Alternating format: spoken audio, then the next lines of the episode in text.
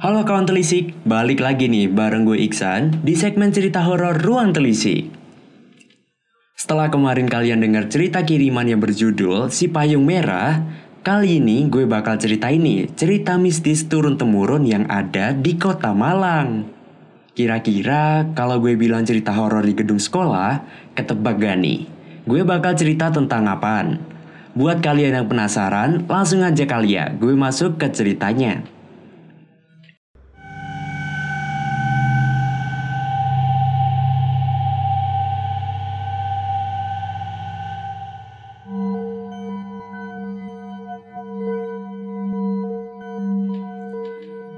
Gue yakin kita semua pasti pernah dengar ataupun punya pengalaman mistis di sekolah. Entah yang gedung sekolahnya bekas rumah sakit, bekas kuburan, atau ada yang pernah digangguin secara langsung. Mulai dari cerita yang iseng sampai ke cerita yang faktanya benar diakui. Cerita yang bakal gue bawain hari ini datang dari sekolah di Malang, tepatnya dari lingkungan kompleks SMA terkenal di kota Malang. Kalau kalian ada yang tinggal di kota Malang, gue yakin kalian pasti pernah dengar cerita yang satu ini. SMA Tugu Kompleks SMA yang terdiri dari SMA N1 Malang, SMA N3 Malang, dan SMA N4 Malang, sekumpulan gedung tua pasti menyimpan banyak misteri. Tiga gedung SMA ini disebut SMA Tugu karena letaknya yang ada di Jalan Tugu. Lokasinya yang sangat strategis yaitu di dekat Bundaran Tugu dan pusat pemerintahan Kota Malang. Ketiga gedung ini dulunya merupakan rancangan Insinyur Lemi dan dibangun pada tahun 1931. Di kompleks gedung tua ini ada beberapa ruangan yang dulunya dipakai secara bersamaan oleh sekolah-sekolah tersebut. Gedung yang dibangun pada tahun 1930-an ini merupakan arsitektur kolonial modern. Jadi, bisa dibayangin kan penghuninya siapa? Misteri paling terkenal dari kompleks sekolahan ini adalah misteri lantai berdarah.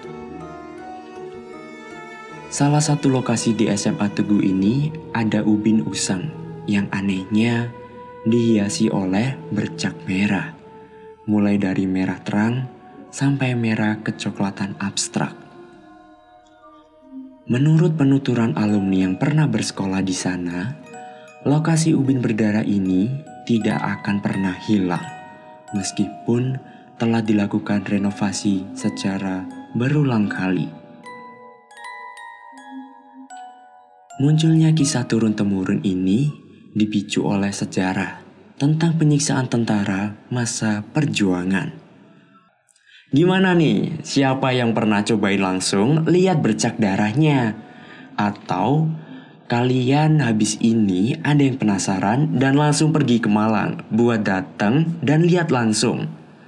Tapi ceritanya belum kelar sampai di sini.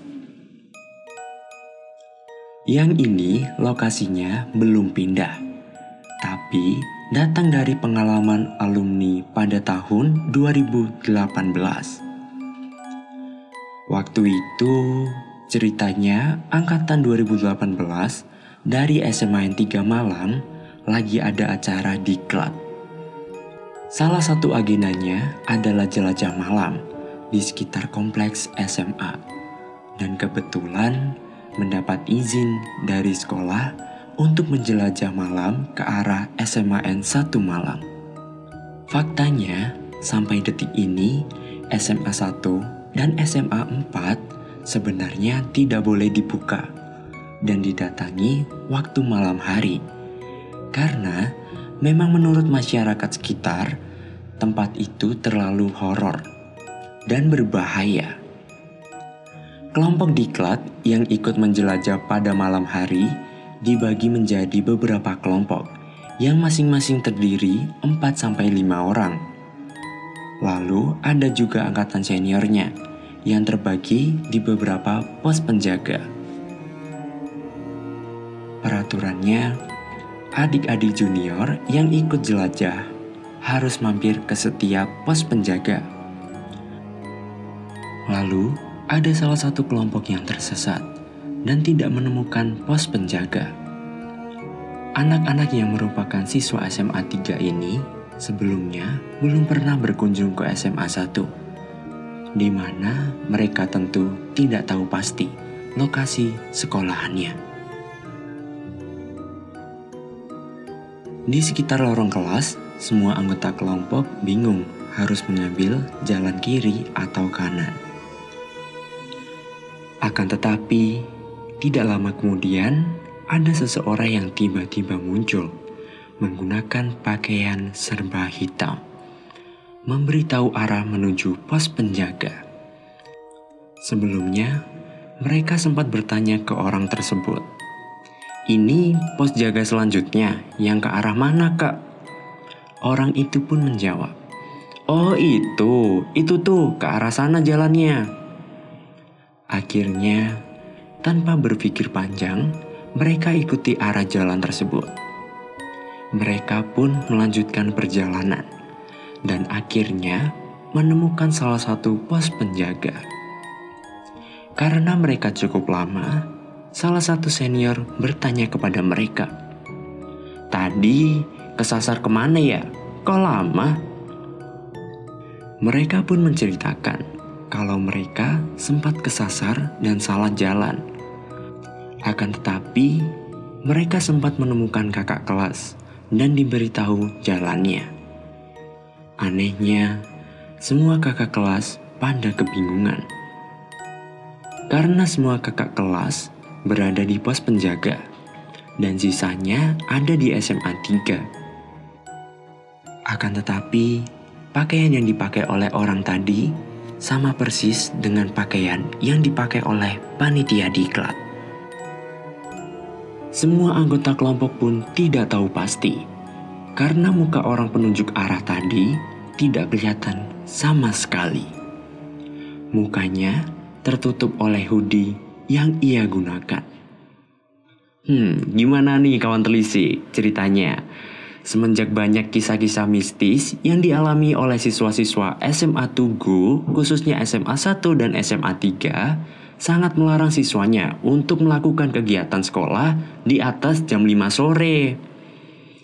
Tapi, terlepas dari kisah horor yang turun-temurun, SMA Tugu tetap menjadi sekolah terfavorit di kota Malang. Buat kawan telisik nih yang penasaran, Mendingan cepet-cepet deh datang ke Malang dan lihat gedung aslinya. Apalagi buat kalian yang suka hal-hal mistis, pasti bakal tertarik banget sama lokasi gedungnya. Oh iya kawan telisik, sebelum gue pamit undur diri, ada sedikit pesan nih. Buat kawan telisik lainnya yang pengen karyanya disiarin di podcast ini, boleh banget nih kirim karya kalian ke email ruang telisik di ruangtelisik at gmail.com dengan subjek, nama, underscore judul karya, underscore jenis karya. Nantinya, karya kalian yang terpilih akan disiarin di podcast Siniar Ruang Telisik. Oke deh, sekian dulu episode hari ini. Terima kasih buat kawan telisik yang udah dengerin episode kali ini. Jangan lupa buat terus dengerin podcast episode yang lainnya. Hanya di podcast Siniar Ruang Telisik, tahu linguistik pasti asyik. See you in the next time guys. Goodbye.